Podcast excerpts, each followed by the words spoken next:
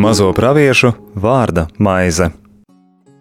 Slavēts Jēzus Kristus, Mūžīgi mūžos slavēts. studijā Stela. Un Anģela, Kā turpināsim baudīt mazo praviešu vārda maizi. Un šodien jau pievērsīsimies cita pravieša grāmatai, bet var saprast, ka kaut arī apjomā šīs grāmatiņas ir nelielas, tās runā par tādiem laikiem, kādi pat pat labi ir atnākuši, par pārbaudījumu, mēģina saprast un aicina, mudina cilvēkus pašus saprast, kāpēc Dievs ir pieļāvis pārbaudījumu un kāds var būt rezultāts un kas jādara cilvēkam pašam. Jo Dievs, kā mēs varam secināt no daudzu praviešu vēstījumiem, vienmēr ir atsaucīgs, ja cilvēks uz viņu sauc un grib mainīt savu dzīvi, atgriezties pie viņa un viņa likumiem. Un šodien lasīsim pravieša Joēla grāmatu. Kāpēc es to izvēlējos, pat īsti nemāku pateikt, jo nekāda ļoti spēcīga sistēma šajā izvēlē nav. Daļēji varbūt tāpēc, ka pravieša Joēla grāmatas jau otrajā daļā parādās tādas jaunās derības ieskaņas. Ir apsolīta arī mūžīga svētība. Tā tad var teikt, ka šī grāmata tomēr beidzas ar cerības vārdiem. Bet iesākums tai nav no patīkamajiem, un arī vēstīja par dieva atmaksu. Un atkal vēlos atgādināt, ka tas jēdziens dieva sots, viņš ir pārāk aprobežots un var teikt, viņš ir par īsu. Un tas ir tāda kā bērna baidīšana, Dievs tevi sodīs, un tad dažreiz bērns izaudzis ar Dievu nekādas darīšanas īpaši negrib. Dievs šajā ziņā ir labs pedagogs, viņš ir svētajos rakstos. Iedevis dzīves noteikumus.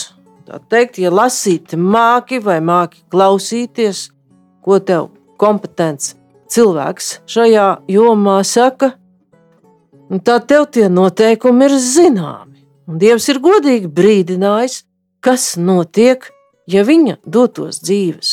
Noteikums, kurš precīzākais, īsākais kopsavilkums ir dekalogā, nepilda. Līdz ar to Dievs ir devis arī saprast, ka cilvēks, ja atnāk nelaime, ja atnāk sērga, ja atnāk iekarotais, ja atnāk nabadzība un posts, ja cilvēks cieš, savas rīcības sekas. Tad tas ir viņa paša domāšanas un rīcības rezultāts. Tas nav tāds, kā saka, sots ne par ko, un nevar saprast, kāpēc, kā bieži dara cilvēki. Tad dieva taisnība. Un arī Joēla grāmatā ir varbūt ne tik ļoti izteikti kā Mosa grāmatā, ir runāts par kunga tiesas dienu. Jo var teikt, ja mēs jau uh, atceramies, ko no apakalipses, jeb Jāņa atklāsmes grāmatas, ka dažādi šie notikumi, kuri mums ir briesmīgi un nesaprotami, liecina tomēr arī par Dieva tuvumu un Dieva nākšanu uz tiesu, kur viņš nošķir labu no ļauna. Un var teikt, ka arī pašreizējā situācijā kad ir iebrucējs iegājis citā brīvā valstī, pat atklājas, kas mēs paši esam. Ka izrādās, ka daudzi, jo daudzi arī bagāti cilvēki, arī bagāti uzņēmumi ir spējīgi solidarizēties ar cietējiem, ir spējīgi palīdzēt, un ļoti daudz dažādi cilvēki, kas iepriekš varbūt pat vilojās un kasījās, ir spējīgi apvienoties, lai palīdzētu tiem, kam ir grūti, un lai pieņemtu tos, kam nav kur palikt. Tad dieva pedagoģija pat šajā situācijā varam redzēt, ka tā ir smaga pedagoģija, bet jau parāda un atklāja kaut ko. Viņa atklāja arī cilvēku varonību, uzticību savai zemē, kuru dievs viņiem devis apdzīvot, un daudzas tādas lietas, par kurām mums nebija nejausmas. Un atklāja arī, kur ir iemitinājies melu tēvs. Ja reizē mums ir šis jautājums, kā var tik daudz un ārprātīgi melot, tad arī pravietis Joēls runā par tādiem posmiem Izraēļa vēsturē, un viņš ir rakstījis pat tik vispārīgā formā, ka mēs varam to attiecināt uz jebkuru tautu civilizāciju, kura piedzīvo grūtus laikus, ka šis vēstījums pat ir universāls. Un kas īsti ir zināms par pravieti Joēlu? Izrādās, ka nekas. Viņš ir Petuēla dēls, un šis ir kunga vārds, kas nāca par Joēlu.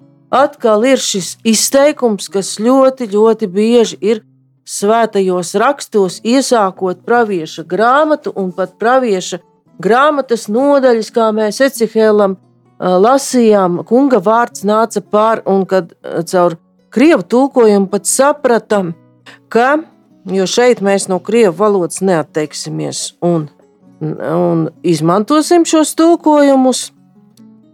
Ka tas pat ir precīzāks, ka vārds ir klāt. Kad šis vārds ir klātesošs, slova bila kjoļu. Tas uh, vārds bija pat nu, tieši klāt. Un arī šeit varētu izlasīt Pētera, Svētā Pētera otro vēstuli, Vispirms jums jāsaprot, ka neviens rakstu pravietojums nav patvaļīgi skaidrojams.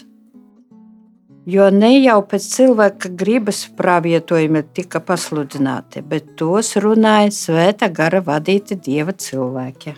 Paldies! Tas ir Tad Pēteris paskaidro to, kas šeit ir pateikts katras grāmatas iesākumā, jo arī dažkārt nodaļas iesākumā, lai mēs saprastu, un atkārtošana ir zināšana māte, ka šie pravieši nav to sadomājuši paši, un šis teksts nav viņu pašu darbs, bet ka viņi ir kā rīks kunga rokā, kuri nodod dieva uzticēto vēstījumu. Un atcerēsimies, kā bija pravieta Jona, ka viņš šim uzdevumam turējās pretī visām četrām, un pat bēga un nokļuva zivs vēdā, un nekā viņam tomēr bija jāizpilda šis uzdevums, ko ar šo vārdu viņam deva pats Dievs. Arī Jeremija grāmatu tu Jedzehelu lasīja. Ja?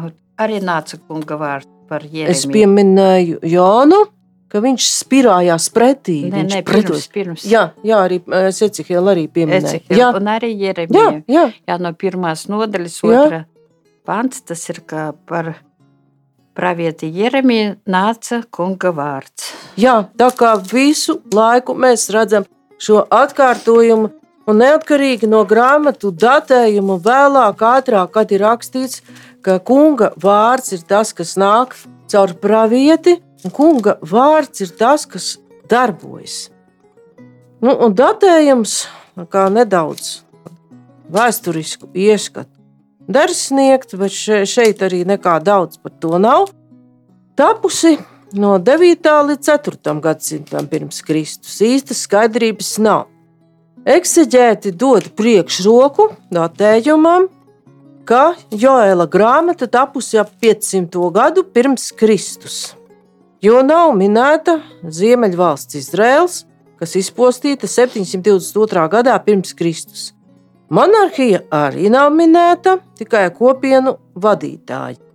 Un 586. gadā pirms Kristus Jeruzalemi sagrāva, pirmo templi izlaupīja un jūdu vergus pārdeva grieķiem uz ko tāds nepārāk skaidrs norādījums ir Joela grāmatas 4. nodaļas 5. 6.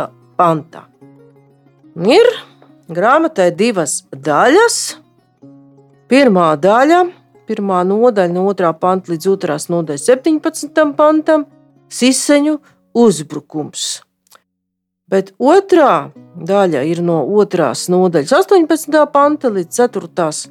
nodaļas 21. pantam, ko tā īsi un kompakti varētu teikt. Tā runā par atjaunošanu. Un kā centrālā tēma ir kunga diena. Tad var teikt, ka ir tieši nav teikts, ka kunga diena, bet pēc visa apraksta mēs varam saprast, ka runa ir par kunga nākšanu. Un vēsturē mēs daudzas reizes varam redzēt arī jaunās derības vēsturē, kad ir jau dota Jāņa atklāsmes grāmata, ka cilvēki bieži gaida tā kunga dienu, bet viņas it kā nav, tā nav. Bet svētais Bernards no Klervoja runājas par tādām kā kunga starp atnākšanām, kad ir vēsturē lieli notikumi, kuri inspirē, jeb rada cilvēkos lielu sakustēšanos, pievēršanos dievam un lielu atgriešanos, tad garīgo atjaunošanos, un iespējams, ka arī mēs šobrīd stāvam, jeb jau ejam iekšā tieši šādos notikumos, kad cilvēki sāk raudzīties uz Dievu un atgriezties. Teikt, Covid, šis vēstījums bija par vieglu. Cilvēki to nesadzirdēja. Nu, sērga ir un skaroja cits ar citu, kurām ir pareizā medicīniskā pieeja. Un tam sekoja šāds notikums, ar kuru mēs īsti joprojām nevaram to saprast un nevaram aptvert. Un tajā neaptveršanā arvien vairāk mēs saskatām, ka vienīgais, pie kā var vērsties un kurš ir uzticams, ir Dievs. Música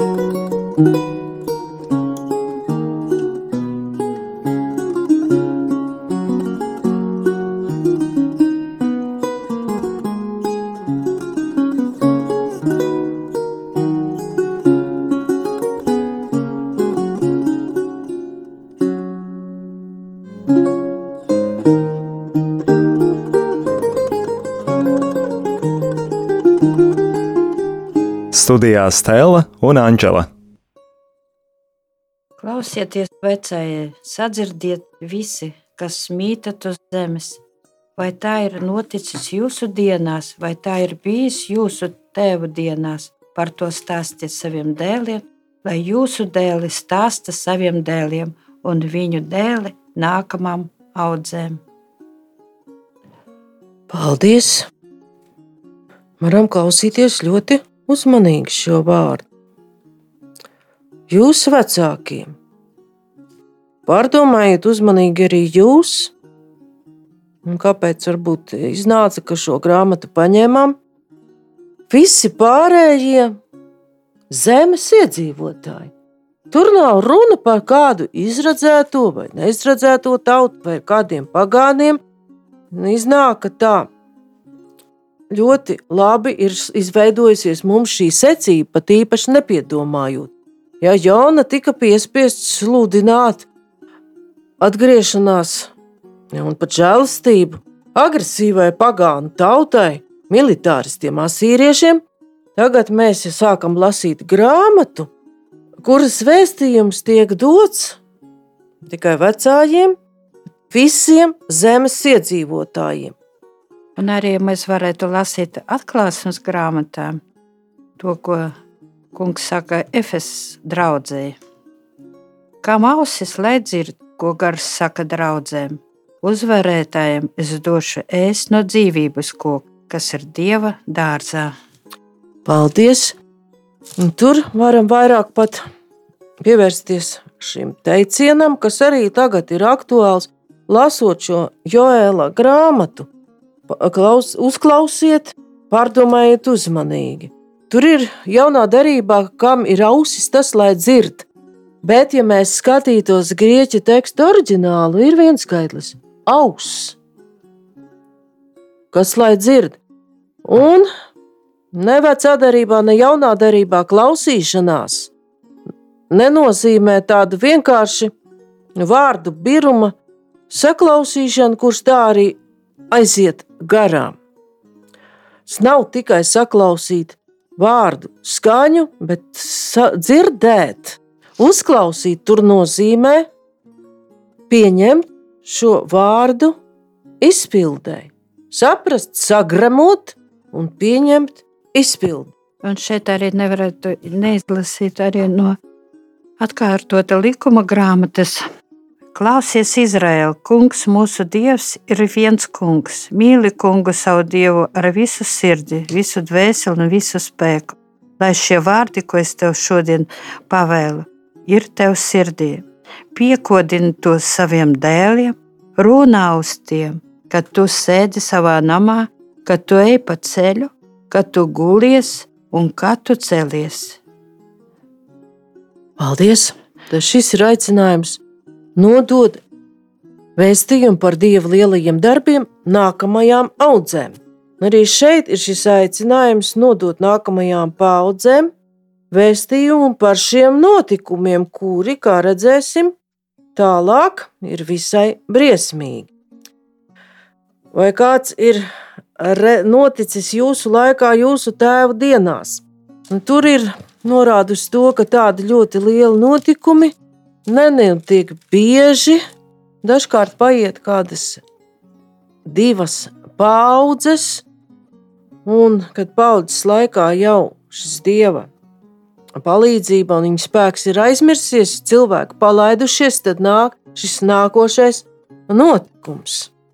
Un redzējām šeit, ka ir pirmie minēti, kam tas ir jāsadzird, Vecāki drusku varam padomāt arī par to, kas ar viņiem ir domāts. Tātad viņiem ir šī lielā loma, šīs ziņas, vēstījuma, arī vēsturiskās atmiņas tālāk nodošanā. Un vecākie jūdu sabiedrībā bija ļoti nozīmīgi pārvaldes un tiesību sistēmā. Tā tad zināma vara šiem vecajiem, jeb vecākajiem. Un, var teikt, šī institūcija diezgan sena. Viņi ir minēti, varam palasīt pirmā samēla grāmata, 30. nodaļa, lai mēs redzētu, ka tas nav tikai šeit minēts. Pirmā samēla 30. nodaļa, 26. līdz 31. pants varētu pat mēs mazliet visu nelasīt, bet nu, Dāvids ir saņē, nākus ciklāgu ar lielu daļu laupījumu un nosūta apmēram 26. Dāvids nāca uz ciklāgu atpakaļ, tad viņš nosūtīja daļu no laupījuma jūdas vecajiem saviem draugiem, sacīdams: Redzi, šeit jums dāvana ar svētības vēlējumu no tā kunga ienaidnieku laupa. Šādas dāvanas viņš sūtīja vecajiem Bētelē un tiem, kuri Rāmā un Negebā, arī tiem, kuri Jatīrā, un tiem, kuri Aroērā, un tiem, kuri Sip, Sipmotā, un tiem, kuri Eštemo, un tiem, kuri Rakalā, un vēl ir uzskaitīts vesels tādu apdzīvotu vietu sāraksts, un saprotam, ka katrā bija šie pārvaldītāji, jeb vecie, tātad atbildīgi par šīs pilsētas vai ciema garīgo arī laicīgo eksistenci. Vēl vecajos mēs redzam minētus arī otrā samēla grāmata, 19. nodaļa, no 11. līdz 15. pantam. Tad ķēniņš Dāvids lika priesteriem Cadokam un Abjatāram pateikt: runājiet uz jūdas vecajiem, sacīdami, kāpēc jūs gribat būt tie pēdējie, kas vestu ķēniņu atpakaļ viņa namā. Tur Dāvids uzrunā šos vecajos pēc uh, Absalomas nāves, savu dē, uh, viņa dēla nāves, kurš uh, taisīs atcelšanos pret viņu. Un būtu varam pat mēģināt saprast, cik sens ir šis vecāko, jeb vecajo institūts. Varam jau šādu pārvaldes formu, kā labu ieteiktu, redzēt Izceļošanas grāmata 18. nodaļa, kad tur mūzum ar tautu ir un tiesāšana ir diezgan liels nepatikšanas, 18, 12. Un izrādās, ka kādi veci jau ir bijuši, bet tur kāds cilvēks dod padomu šo institūciju paplašināt un pat izveidot plašāku šo struktūru. Un ģetrus, 18, 12 ģetrus, mūzes sievas tēvs upurēja dedzināmo un kaujamā upuri dievam, un Ārons un visi Izraēla vecie nāca ēst maizi ar mūzes sievas tēvu dieva priekšā. Nākamajā dienā Mūzes apsēdās, lai tiesātu ļaudis, un ļaudis stāvēja Mūzes priekšā no rīta līdz vakaram. Un Mūzes sievas tēvs noskatījās visu, ko Mūzes tautai darīja, un viņš sacīja: Kas tas ir, ko tu dari tautai? Kādēļ tu sēdi atsevišķi un tauta stāv tev priekšā no rīta līdz vakaram? Nu, viņš redz, ka tur ir problēma. Mozus viens pats nodarbojas ar to visu, kaut gan redzam, ka uh, Izraēla vecie nāk ēst maizi ar mūzu un, un mūzu sievas tēvu dievu priekšā, bet šie vecie nav iesaistīti kādās lietās. Mūzus viens, viens pats melnās miesās ņemas ar tiesāšanu, daru, daru tiesājas viņu savā starpā un daru tiem zināms dievu likums un viņa bauslību. Un 17. pantā, 2. mūzes grāmatā, jeb izceļošana, 18. nodaļā, Mūzus sievas tēvs viņam sacīja: Tā nav labi, kā tu to dari. Tu gurdini pagursi, un tavi ļaudis, kas pie tevis jo pārāk grūts tev ir šis pienākums. Tu nespēsi to izpildīt viens pats. Tagad paklausi mani, es tev došu padomu, un Dievs būs ar tevi. Nostājies tu tautas laba Dieva priekšā un nestās lietas Dieva priekšā. Māci tiem likumu un bauslību, un dari tiem zinām to ceļu, kas tiem jāiet, un tos darbus, kas tiem jādara. Bet tu izraugi sev no visas tautas, spējīgus vīrus, kas bīstas dieva, taisnīgus vīrus, kas nav uzpērkami, un iecelt tos par priekšniekiem, par tūkstošiem, par simtiem, par piecdesmitiem un par desmit. Un lai tie tiesā ļaudis jebkurā laikā, bet lai būtu tā, ka tie katru lielāku lietu nodūtu tev, bet katru mazāko lietu iztiesā paši. Tad šeit redzam saprātīga pārvaldības aparāta tapšanu. Un divas lietas tur ir ļoti interesantas. Jēzus, Mozus, sievas tēvs. Viņš ir nācis no pagāniem, no midiāniešiem. Un šis sadalījums arī ir interesants ar to, ka kaut viņu mēs lasām izceļošanas grāmatā, kas ir tapusi ļoti, ļoti sen, pirms Romas impērijas, bet ļoti līdzīgs sadalījums bija arī Romas impērijas armijas leģionos. Desmitnieks, simtnieks, tātad virsnieks, kas vada mazāku karavīru grupu, un par lielāku jau ir atbildīgs cits, kas savāc to visu. Tad redzam, ka šis vecais, vecaju Vecāju institūts nozīmēja šādu kādas nelielas, nelielākas kopienas vadītāju, un tā tad atbildīgo par attiecīgo ciemu, pilsētu vai kādu lielāku apgabalu. Tātad viņi ir pirmie, kuri saņem šo vēsti, kuriem tā ir jāsaprot un jādara zināma viņiem uzticētajiem cilvēkiem. Kā mūsu lūkšanas grupiņas.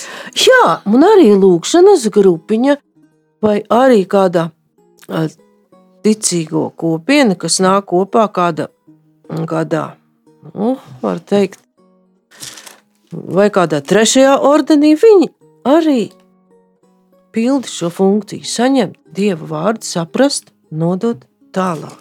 Un arī mēs varētu izlasīt arī no izceļošanas grāmatas kaut kādu līdzīgu situāciju.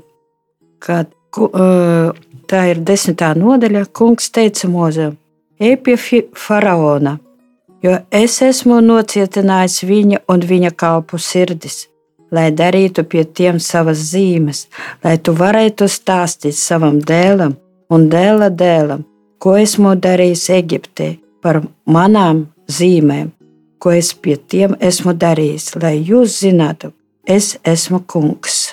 Paldies! Arī šeit tiek sūtīts pats Mūzus, bet arī ir šis uzdevums nodot vēstījumu par dievu varenajiem darbiem tālāk nākamajām paudzēm. Tātad uzturēt šo vēsturisko atmiņu.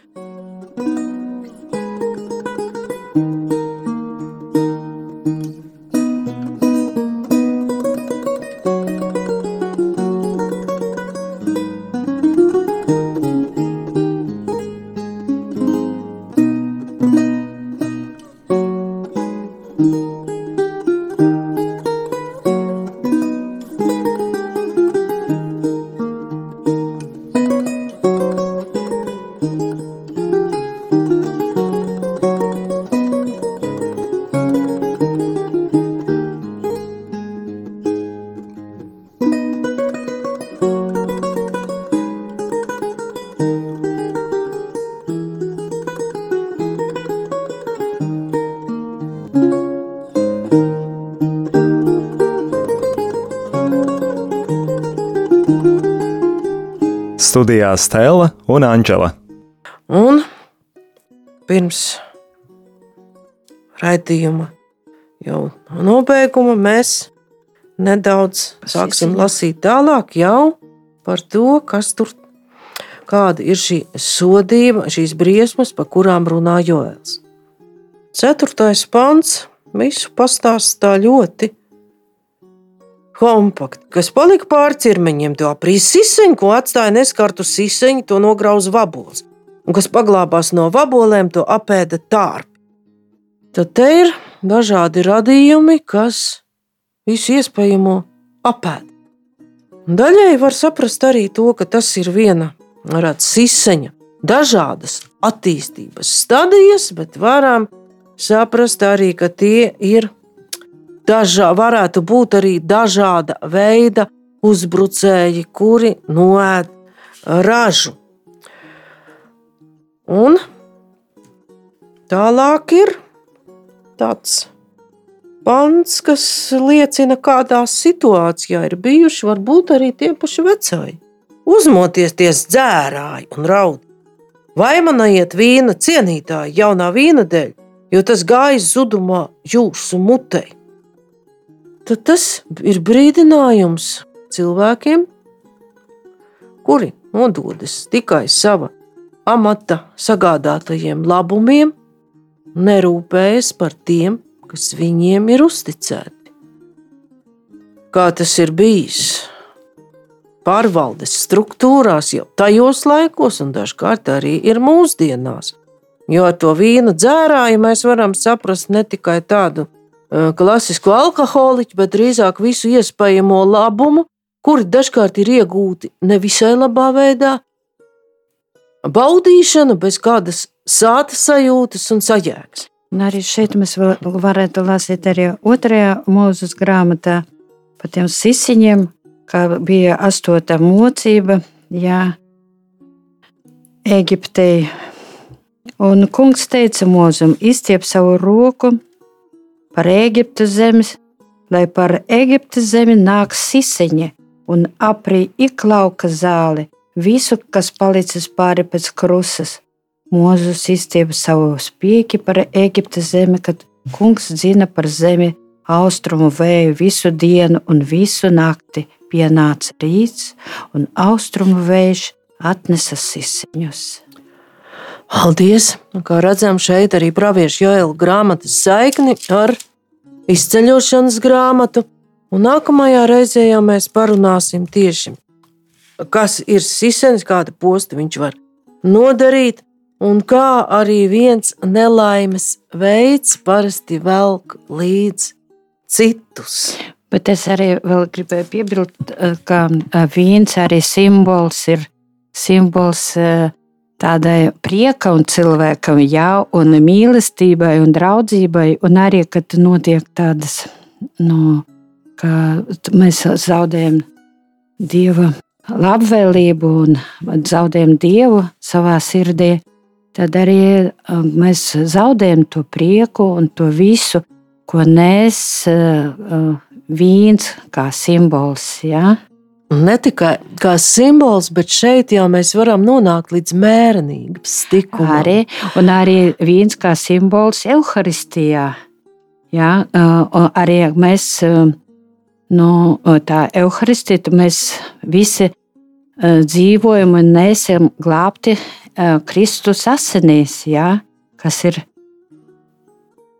Tā kā varam redzēt vēl kaut ko, kad pat viens un tas pats vārds svētajos rakstos var būt ar ļoti divējādu nozīmi. Kā šeit ir runa par vīnu, kas tiek izmantots, nu, var teikt, ļaunprātīgi, vienkārši lai piedzertos. Bet ka vīns var būt arī līgsmības avots, un vīns var būt arī simbols jau jaunajai derībai, evaharistijai, par ko mēs jau varam lasīt jaunajā derībā. Bet par to, ko nozīmē siseņi un kāds ir Joēla tālākais vēstījums, mēs runāsim jau nākamajā reizē. Paldies par uzmanību! Studijā bija Stela un Anģela. Izskanēja raidījums Mazo praviešu vārda maize.